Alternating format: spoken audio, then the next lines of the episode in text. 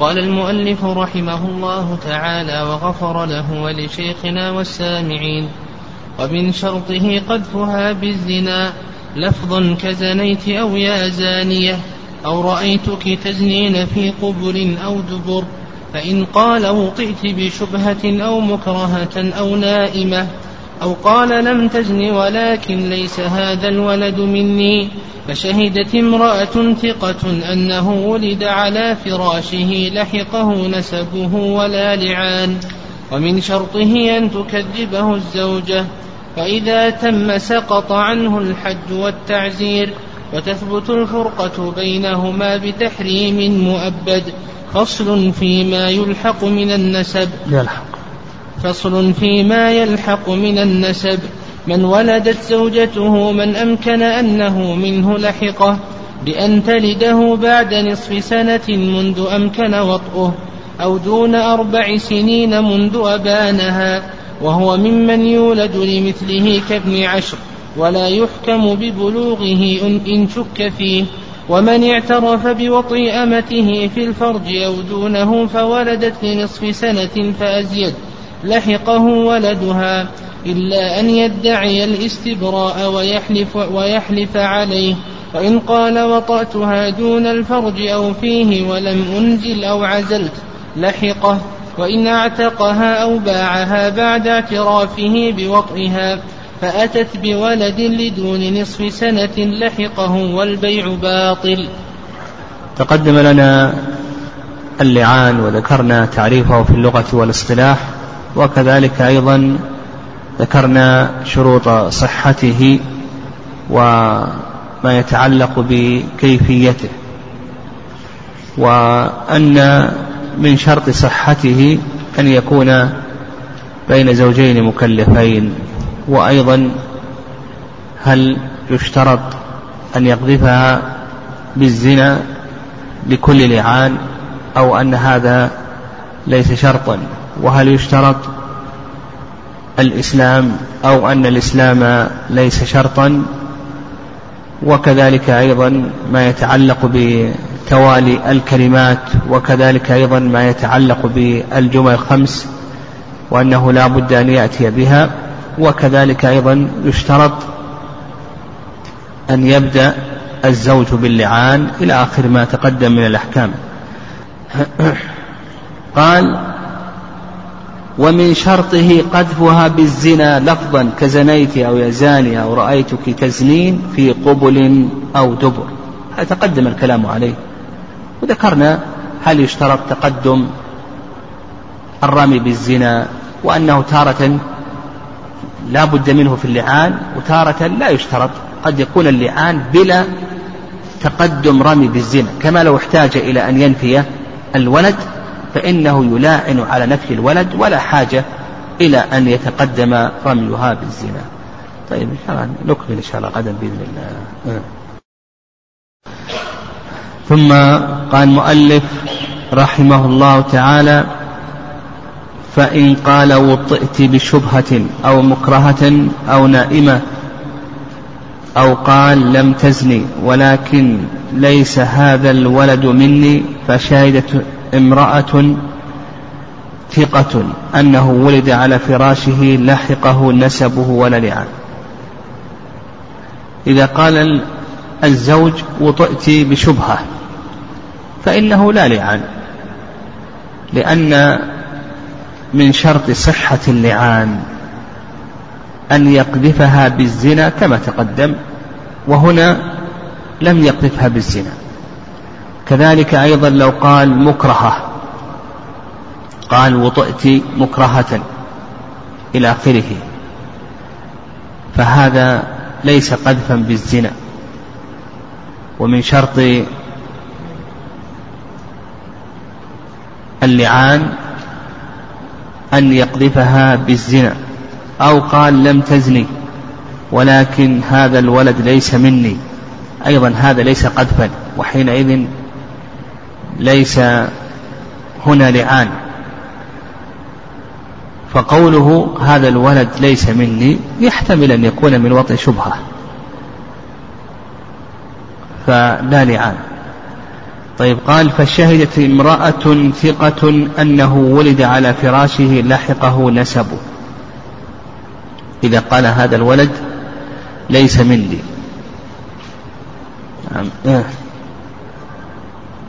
وهي لم تزني فيقول المؤلف رحمه الله تعالى إن شهدت يقول لا لعان لعدم القذف. أما القذف أما اللعان فإنه لا لعان لعدم القذف. لكن بقينا بالنسبة للولد. هل يلحقه نسبه أو نقول بأن نسبه لا يلحقه؟ قال لك المؤلف رحمه الله إن شهدت امرأة ثقة أنه ولد على فراشه لحقه نسبه. وعندنا أصل الأصل أن الولد للفراش كما سيأتينا كما سيأتينا في جهة الفراش كما تكلم عليه المؤلف رحمه الله في آخر اللعان في آخر كتاب اللعان. أن الأصل أن الولد للفراش. وللعاهر الحجر وأنه لا يقبل من الزوج أن ينتفي من الولد. يعني مجرد أن ينتفي من الولد هذا لا يقبل لأن الأصل أن الولد الفراش. حتى ولو اختلف لون الولد عن لون الأب فإنه لا يقبل أن, أن, أن ينفيه. لأن يعني عندنا أصل وهو أن الأصل أن الولد للفراش.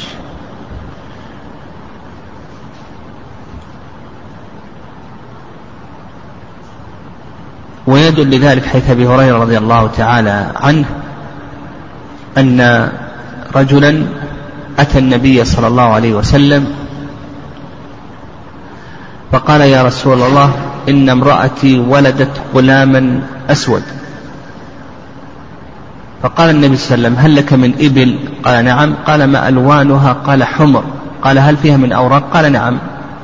قال أن لها ذلك. قال يا رسول الله لعله نزعه عرق. يعني أتى من أب بعيد.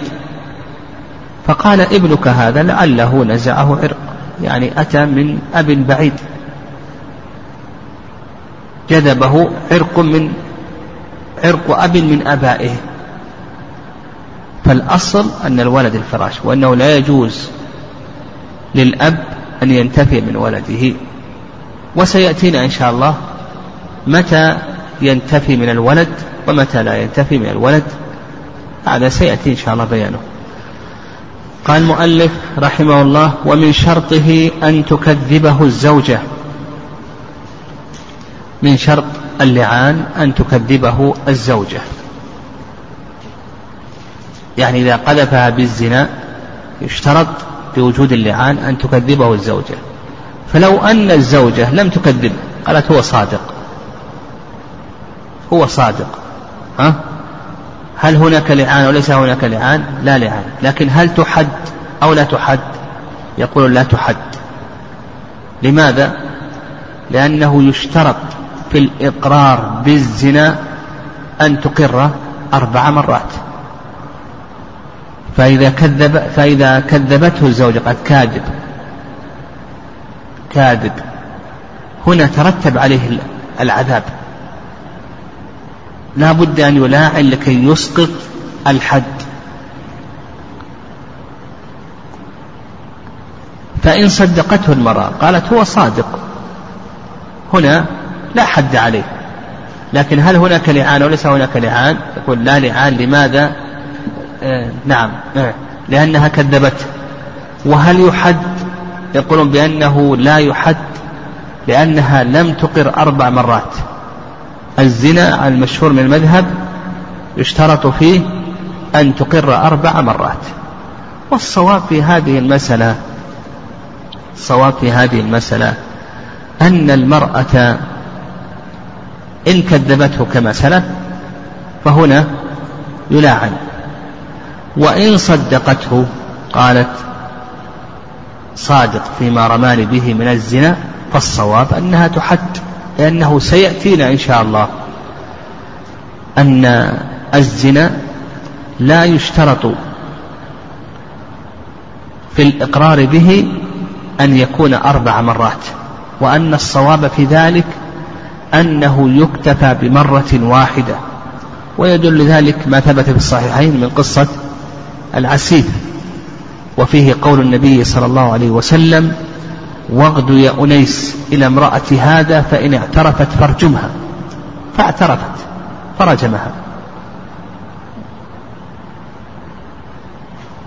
ولأن الله سبحانه وتعالى قال يا أيها الذين آمنوا كونوا قوامين بالقسط شهداء لله ولو على أنفسكم. فهذا الرجل قام بالقسط قام بالعدل وشهد على نفسه فترتب أو المرأة قامت بالقسط وشهدت على نفسها ترتب عليها العذاب. فالصواب أنها إن صدقته تحد وإن كذبته يلعن هذا الصواب.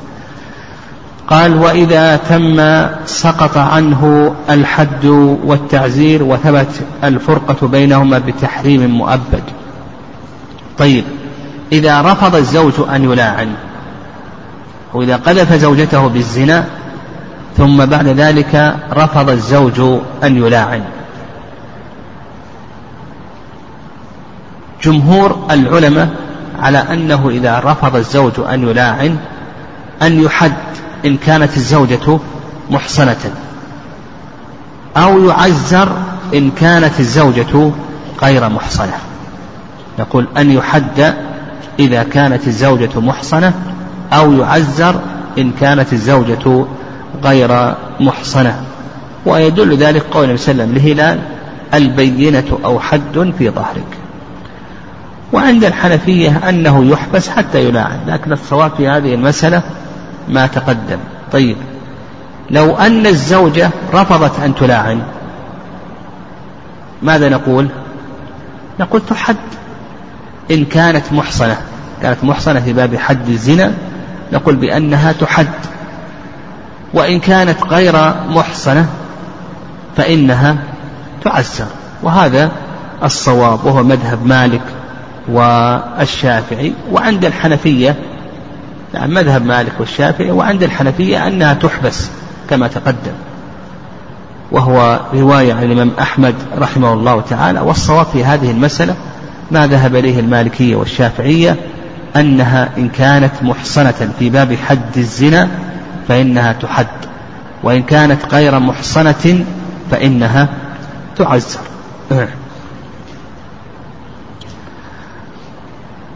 قال المؤلف رحمه الله وإذا تم سقط عنه الحد والتعزير إذا تم اللعان بين الزوجين فهناك أحكام تترتب على هذا اللعان.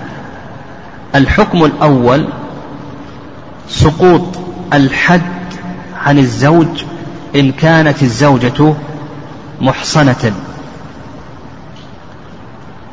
إن كانت الزوجة محصنة يسقط عنها إن كانت الزوجة محصنة في باب حد القذف سقط عنه حد القذف. وإن كانت غير محصنة في باب حد القذف فإنه يسقط عنه التعزير. ودليل ذلك قول الله عز وجل والذين يرمون أزواجهم ولم يكن لهم شهداء إلا أنفسهم فشهادة أحدهم بالله أربع شهادات إنه لمن الصادقين والخامسة أن لعنة الله عليه إن كان من الكاذبين. ولأن النبي صلى الله عليه وسلم قال لهلال بن أمية البينة وإلا حد في ظهرك. فأنزل الله عز وجل آيات اللعان فلعن فسقط عنه الحد.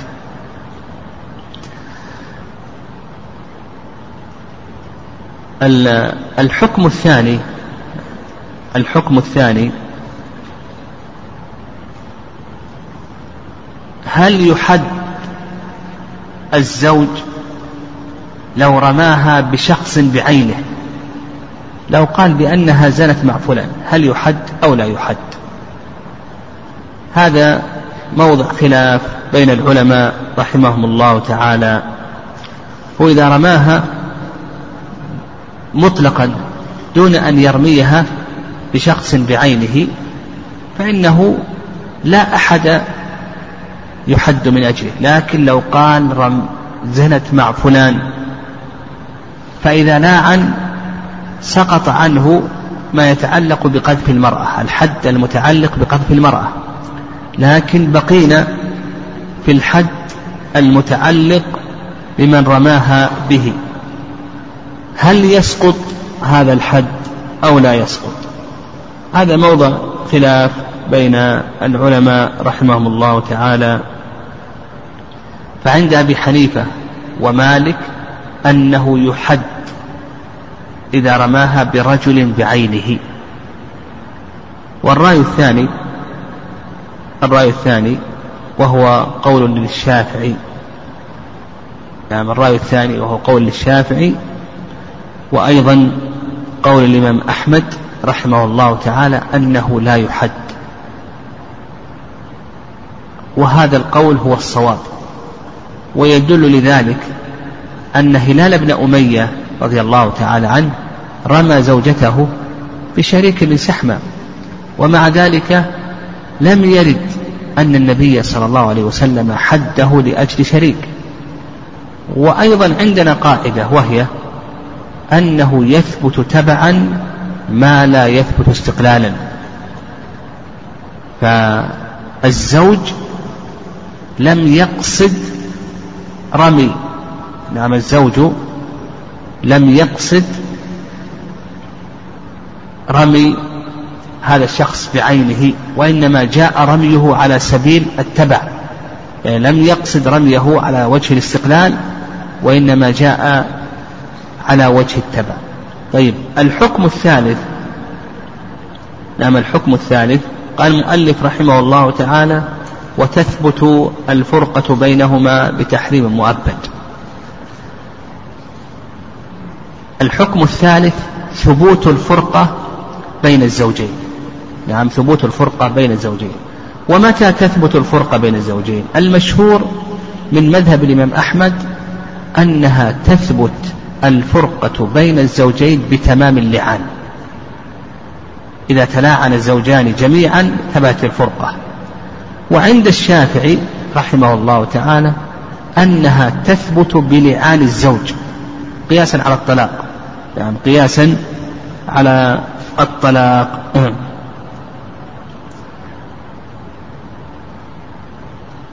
وعند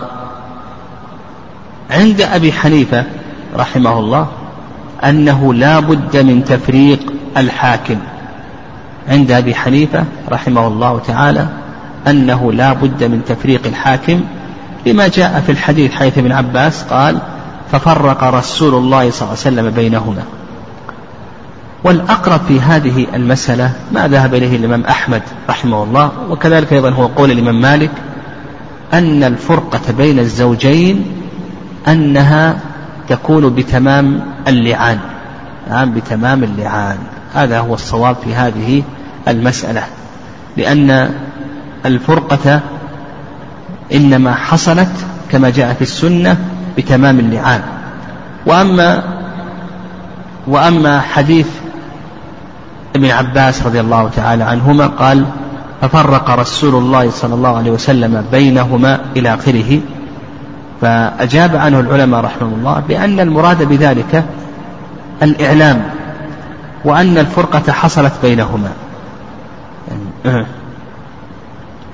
طيب الحكم الرابع هل هذه الفرقة مؤبدة أو أنها ليست مؤبدة؟ يعني هل هذه مؤبدة أو أنها ليست مؤبدة؟ أكثر أهل العلم على أن هذه الفرقة مؤبدة وأنهما لا يجتمعان أبدا. وقد جاء في حديث سهل بن سعد في المتلاعنين قال ففرق رسول الله صلى الله عليه وسلم بينهما وقال لا يجتمعان أبدا رواه البيهقي. قال ففرق الرسول صلى الله عليه وسلم بينهما وقال لا يجتمعان أبدا وحديث ابن عباس رضي الله تعالى عنهما قال مضت السنة في المتلاعنين ألا يجتمعان أبدا.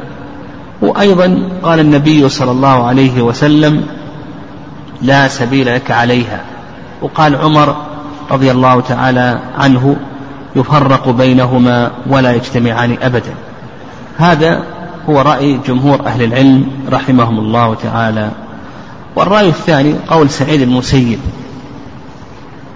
أنه إن أكذب نفسه فهو خاطب من الخطاب. نعم إن أكذب نفسه فهو خاطب من الخطاب. وهذا أيضا قال به أبو حنيفة رحمه الله. والصواب في هذه المسألة وما ذهب إليه أكثر العلم وأن الفرقة أبدية. لأن لما تقدم من الآثار ولأنه لا يليق أن يرميها بالزنا ثم بعد ذلك يرجع إليها مرة أخرى. طيب الحكم الخامس الحكم الخامس. هل هذه الفرقة فسق أو طلاق؟ هذا موضع خلاف بين أهل العلم رحمهم الله تعالى. نعم هذا موضع خلاف بين أهل العلم رحمهم الله تعالى. والصواب في ذلك أنها فسق وهذا هو المشهور من المذهب. إيه لو قلنا بأنها طلاق ثبتت ماذا؟ الرجعة. نعم ثبت الرجعة. لكن الصواب أنها فسق طيب الحكم السادس. نعم الحكم السادس. اللعان لا يسقط شيئا من حقوق المرأة فإذا كان لها شيء من الحقوق فإن هذا اللعان لا يسقط شيئا من حقوقها كما لو كان لها دين على الزوج ونحو ذلك. طيب الحكم السابع فيما يتعلق بالمهر. هل يسقط المهر باللعان أو لا يسقط؟ نقول بأن هذا لا يخلو من أمرين. الأمر الأول أن يكون ذلك بعد الدخول. يقول الأمر الأول أن يكون ذلك بعد الدخول. فلا يسقط المهر. لأن المهر لأن المهر استقر لها بما استحل من فرجها كما جاء في حديث عائشة رضي الله تعالى عنها. وإن كان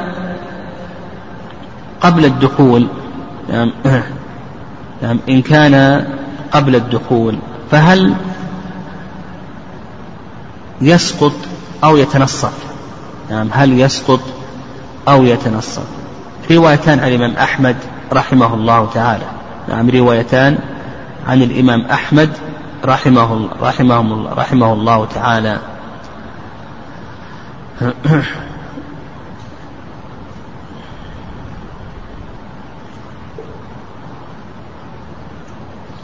هل الفرقة جاءت من قبل الزوجة أو الفرقة جاءت من قبل الزوج؟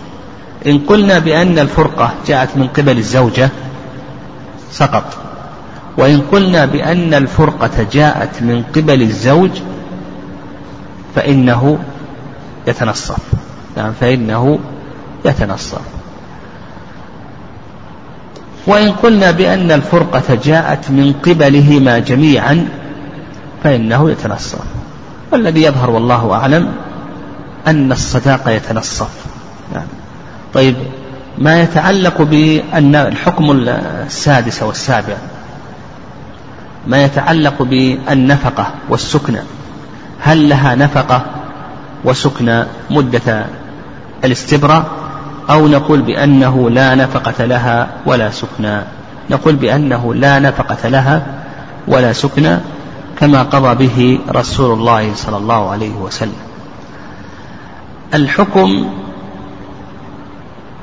السابع أنها لا ترمى بالزنا ولا يرمى ولدها بالزنا ومن رماها بالزنا فإنه يحد. الحكم الثامن. نعم الحكم الثامن. ما يتعلق بالولد. هل ينتفي الولد من أبيه باللعان؟ أو نقول بأنه لا ينتفي باللعان. هذا موضع خلاف بين العلماء رحمهم الله. فقال بعض العلماء إن نفاه انتفى. وإن لم ينفه لم ينتفي وقال بعض العلماء بأنه ينتفي الولد باللعان. يعني قال بعض العلماء بأن الولد ينتفي باللعان. وذكر ابن القيم رحمه الله تعالى تفصيلا جيدا في هذه المسألة. يعني الولد هل ينتفي باللعان أو لا ينتفي؟ ذكر ابن القيم رحمه الله تعالى تفصيلا جيدا في هذه المسألة. وأن هذه المسألة لا تخلو من أقسام. القسم الأول أن يحصل الزنا وهي حامل. ها فالولد لمن؟ نقول بأنه للزوج ولا ينتفي باللعان. لو حصل القذف لها حصل الزنا وهي حامل فإن الولد يكون لمن؟ نقول بأن الولد يكون للزوج ولا ينتفي باللعان. نعم لا ينتفي باللعان. القسم الثاني أن تأتي بالولد لأقل من ستة أشهر من حين الزنا. أن تأتي به لأقل من ستة أشهر من حين الزنا. مثلا حصل الزنا في شهر محرم فأتت به في ربيع الثاني. لمن يكون الولد؟ نقول للزوج. نقول بأن الولد يكون للزوج. لأننا نقطع قطعا جازما أن أن الحمل موجود قبل الزنا. أن الحمل موجود قبل الزنا. القسم الثالث أن يستبرئها الزوج. بمعنى أن تحيض ولا يطأ الزوج. حتى يحصل الزنا. فنقول بأن الولد ينتفي بمجرد اللعان. لأن الظاهر أن الولد لمن؟ للزاني. الظاهر أن الولد للزاني. القسم الثالث القسم الرابع ألا يستبرئها الزوج بل يطأ الزوج ثم يحصل الزنا. فهذا فيه تفصيل. إن نفاه الزوج فإنه ينتفي وإن لم ينفه فإنه لا ينتفي. واضح؟ فأصبح عندنا أقسام كم؟ أربعة. القسم الأول أن يحصل الزنا وهي حامل. القسم الثاني أن يحصل الزنا وتلده لأقل من ستة أشهر ففي هاتين الحالتين الولد للزوج ولا ينتفي باللعان. الحالة الثالثة أن يستبرئها. بمعنى ألا يطأها بعد أن حاضت وطهرت حتى يحصل الزنا. فنقول بأنه ينتفي بمجرد اللعان. القسم الرابع. نعم القسم الرابع ماذا؟ ألا يستبرئ. نعم القسم الرابع ألا يستبرئها. بمعنى أنها طهرت ووطئ الزوج ووطئ الزاني. فهذا إن نفاه فإنه ينتفي وإن لم ينفه فإنه لا ينتفي. نعم وإن لم ينفه فإنه لا ينتفي.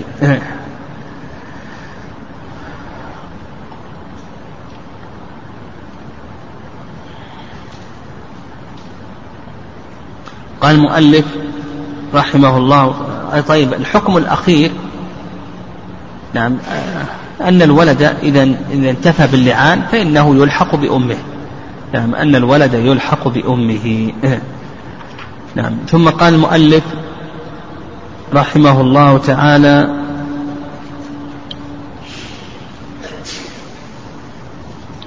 فصل.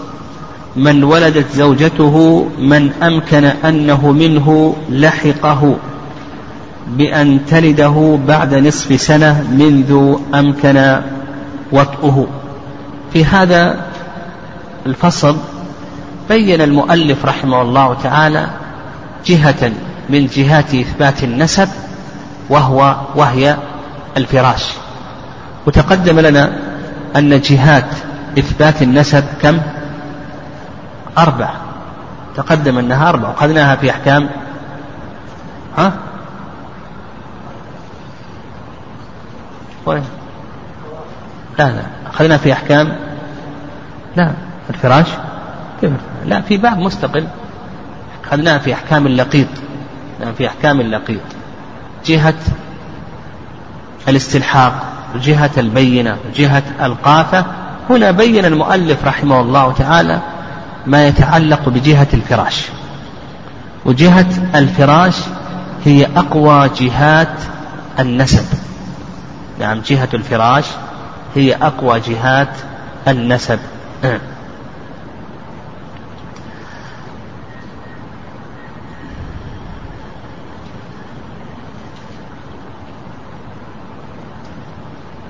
لقول النبي صلى الله عليه وسلم الولد للفراش وللعاهر الحجر. نعم الولد للفراش وللعاهر الحجر. فجهة الفراش هي أقوى جهات النسب. طيب متى تكون الزوجة فراشا؟ ومتى تكون ملك اليمين فراشا؟ المذهب أن الزوجة تكون فراشا بأمرين. الأمر الأول أن يمكن الوطء والأمر الثاني أن تلده بعد ستة أشهر منذ أمكن الوطء إذا أمكن الوطء وأتت به بعد ستة أشهر منذ أمكن الوطء مثال ذلك رجل في هذا البلد وزوجته أيضا في هذا البلد. يمكن أن يطأ أو لا يمكن أن يطأ. يمكن أن يطأ. منذ أن أمكن الوطء حتى أنه ممكن أنه يتصل بها وأن يطأها أن يتصل بها وأن يطأها. أنجبت ولد بعد ستة أشهر منذ أن أمكن الوطء. ها؟ فإن هذا الولد ماذا؟ يلحق به. هذا المشهور من أي شيء؟ من مذهب المذهب من المذهب. الرأي الثاني رأي الحنفية أنه إذا تم العقد وأتت به لستة أشهر فأكثر منذ أن تم العقد فإنه يلحق به. والرأي الثالث في هذه المسألة نعم الرأي الثالث أنها لا تكون فراشا إلا بحقيقة الوطن. نعم. وهذا اختيار شيخ الإسلام تيمية رحمه الله تعالى. نعم. الصواب. وهذا الصواب القول هو الصواب في هذه المسألة. نعم هذا القول هو الصواب. أنه لا أنها لا تكون فراشا إلا بوجود الوطن. أما إمكان الوطن أو مجرد وجود العقد ومضي أقل مدة الحمل فالصحيح بذلك أنها لا تكون فراشا في مثل هذه الأشياء بل لا بد من حقيقة الوضع. يعني هذا القول هو الصواب في هذه المسألة. قال المؤلف من ولدت زوجته من أمكن أنه منه لحقه بأن تلده بعد نصف سنة. هذا الأمر الأول. منذ أمكن وطئه هذا الأمر الثاني. ودون أربع سنين منذ أبانها. يعني إذا توفر الأمران أتت به لنصف سنة فأكثر من وأمكن الوقت يلحقه. كذلك أيضا يقول لك إذا أتت به لأقل من أربع سنوات منذ أبانها. فإنه يلحق به. لماذا؟ لأنها أتت به في مدة الحمل. لأن مدة الحمل كم؟ أكثره المذهب أربع سنوات. سيأتينا في كتاب العدد. وأقله ستة أشهر. قال ودون أربع سنين منذ أبانها وهو ممن يولد لمثله كابن عشر. نعم فيلحق به الولد. فأصبح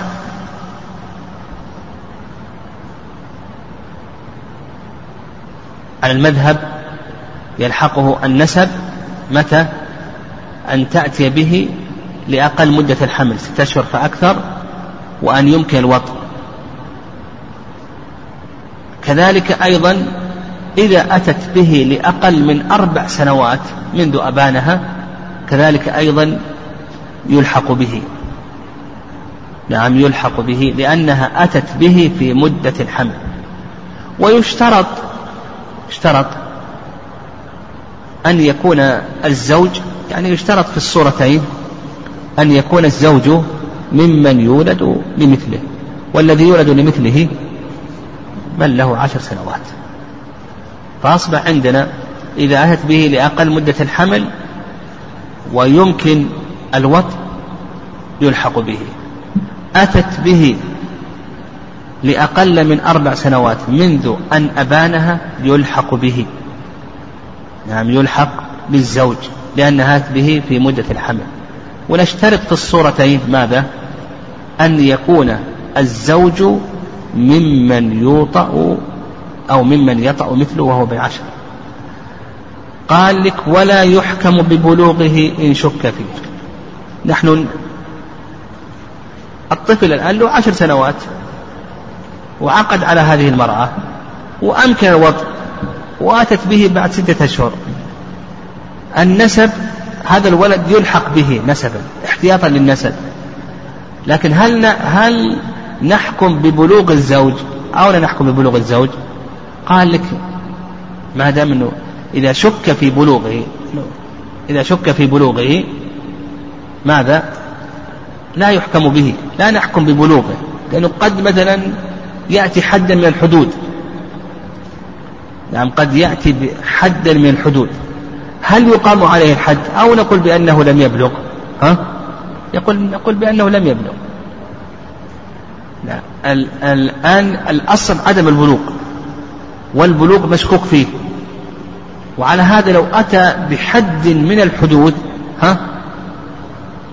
هل يقام عليه الحد أو نقول بأنه لا؟ لا يقام. لكن الولد نلحقه به بأي شيء؟ احتياط للنسب. ولا شك أن هذا يعني لا شك أن هذا ضعيف. يعني كيف نقول بأن الولد له ولا نقول بأنه بالغ إلى آخره؟ وهذا يؤيد ما ذهب إليه شيخ الإسلام تيمية رحمه الله أن الزوجة لا تكون فراشا إلا بأي شيء إلا بالوط يعني وجود حقيقة الوط يعني هذا الصواب في هذه المسألة.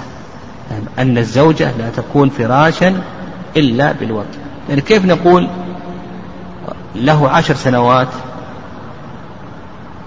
والأصل عدم البلوغ بلوغ مشكوك فيه مع ذلك نلحق به هذا الولد إلى آخره.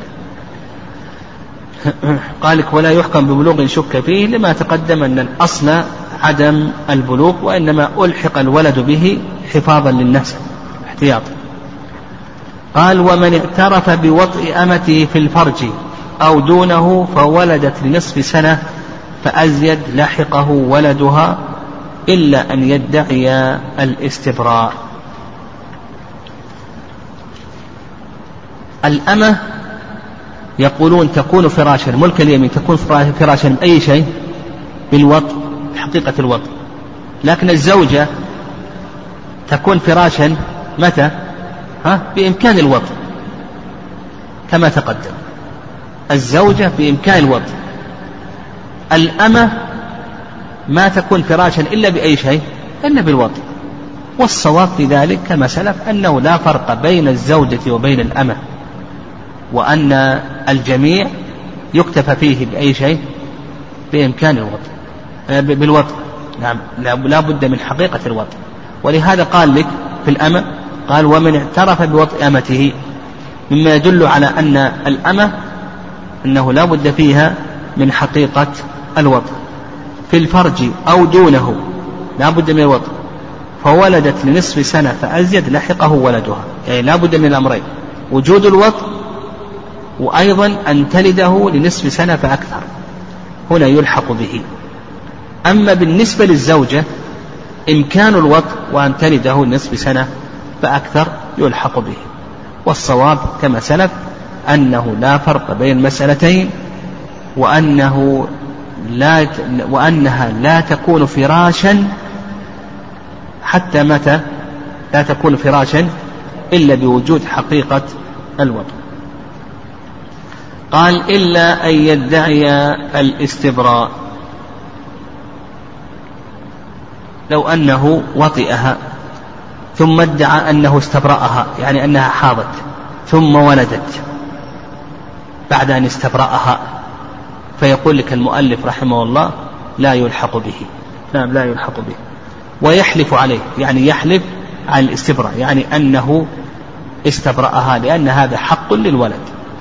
وإن قال وطئتها دون الفرج أو فيه ولم أنزل أو عزلت لحقه كما جاء عن عمر رضي الله تعالى عنه. لو قال وطئتها لكن دون الفرج أو أنني عزلت أو أو لم أنزل وطئت في الفرج ولم أنزل أو أنني عزلت ها؟ نقول بأنه يلحق به لأنه يحتمل أن الماء سبق أن ماءه سبق. فيلحق به نسبه كما تقدم. قال وإن أعتقها أو باعها بعد اعترافه بوطئها فأتت بولد لدون نصف سنة لحقه والبيع باطل. إذا باعها وإن اعتقها أو باعها بعد اعترافه بوطئها فأتت بولد لدون نصف سنة لحقه. لحقه الولد لماذا؟ ها؟ نعم لحقه الولد لأنها أتت به قبل نصف سنة من ملك المشتري فلا يكون للمشتري وإنما يكون لمن؟ للبائع فإذا أتت به لأقل من ستة أشهر منذ باعها قطعا ليس للمشتري وإنما يكون لمن؟ لمن قبله لمن كان يطأ قبله وهو البائع. والبيع باطل. لماذا؟ صح لأنها أصبحت أم ولد. والمشهور من المذهب أن أم الولد لا يصح بيعها لأنها تعتق بموت سيدها. قبل أن ننتقل لكتاب العدد بقي عندنا مسألة. تقدم أنه نعم تقدم أنه لا يجوز للزوج أن ينتفي من الولد. نعم لا يجوز للزوج أن ينتفي من الولد لأن الأصل أن الولد للفراش ولأن هذا حق للولد. قول النبي صلى الله عليه وسلم الولد للفراش وللعاهر الحجر. نعم. لكن متى ينتفي من الولد ومتى لا ينتفي؟ نعم متى ينتفي من الولد ومتى لا ينتفي؟ نقول بأن هذا ينقسم إلى أقسام. القسم الأول أن يستبرئ الزوجة. نعم القسم الأول أن يستبرئ الزوجة.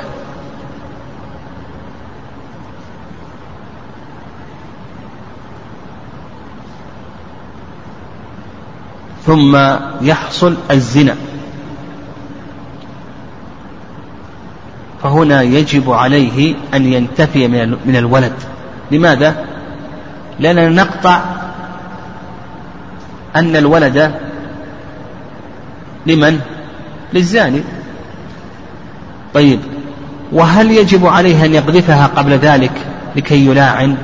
أو نقول بأنه يلاعن دون قذف.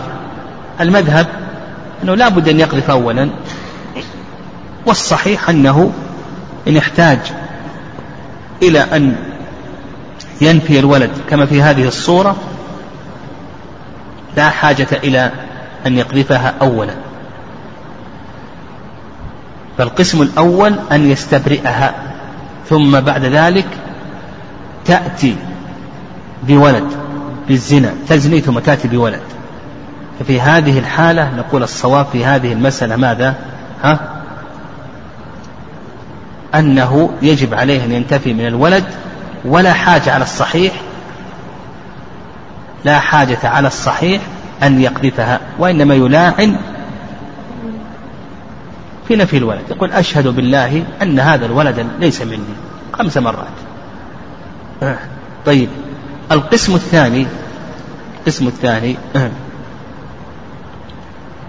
أن تزني وهي حامل أو أن تأتي به لأقل من ستة أشهر من الحمل. أن يحصل الزنا وهي حامل. أو أن تأتي به لأقل من ستة أشهر من الحمل. ها؟ فهنا لا يجوز له أن ينتفي من الولد. القسم الثالث ألا يستبرئها بمعنى أن تطهر ويطأ الزوج ويطأ الزاني. فهنا يحتمل نعم يحتمل أنه من الزوج ويحتمل أنه من أي شيء؟ من الزاني. فقال بعض العلماء إن كان مشبها للزاني فإنه يجب عليه أن ينتفي منه. وإن لم يكن مشبها للزاني فإنه لا يجب عليه أن ينتفي منه. القسم الرابع ها؟ هذا القسم الرابع الآية الثالث نعم. ألا يستبرئها. نعم ألا يستبرئها. بأن يطأ ويطأ أيضا الزوج. يطأ ويطأ الزوج. ثم تأتي بولد. يحتمل أن يكون من الزوج ويحتمل أيضا أن يكون من الزاني. فقال بعض العلماء إن كان يشبه الزاني فإنه يجب عليه أن ينتفي منه. وإن كان لا يشبه الزاني فإنه لا يجب عليه أن ينتفي منه. وقال بعض العلماء بأنه لا يجب أن ينتفي منه لأن الأصل أن الولد لمن؟ للفراش.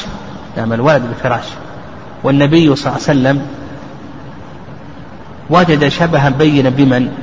بعتبة والذي فجر بالأمة. ومع ذلك قضى به النبي صلى الله عليه وسلم لعبد بن زمعة. وقال الولد للفراش وللعاهر الحجر. نعم آه ليس له شيء. ها؟ نعم والآن يعني الآن آه، يرجع إلى مثل ما يسمى بالحمض النووي. يعني ما يسمى بالحمض النووي الآن ممكن أن الآن يرجع إلى مثل هذه الأشياء في بيان مثل في مثل هذه المسألة. أما إذا استبرأها أو مثلا كانت حاملا أو أتت به لقلب ستة أشهر فهذا ظاهر الأقسام في هذه ظاهرة. لكن إذا كان يحتمل أن يكون من الزاني ويحتمل أن يكون من الزوج يعني ف يعني, إذا رجع لمثل هذه الأشياء. والله أعلم صلى الله عليه وسلم.